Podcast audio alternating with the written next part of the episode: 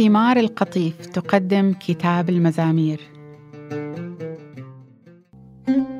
إليك رفعت عيني يا ساكنا في السماوات كما تتعلق عيون العبيد بأيدي ساداتهم وعينات جارية بيد سيدتها. هكذا تتعلق أنظارنا بالرب إلهنا حتى يتحنن علينا. ارحمنا يا رب ارحمنا. فقد شبعنا احتقارا شبعت نفوسنا. من هزء المطمئنين وازدراء المتكبرين.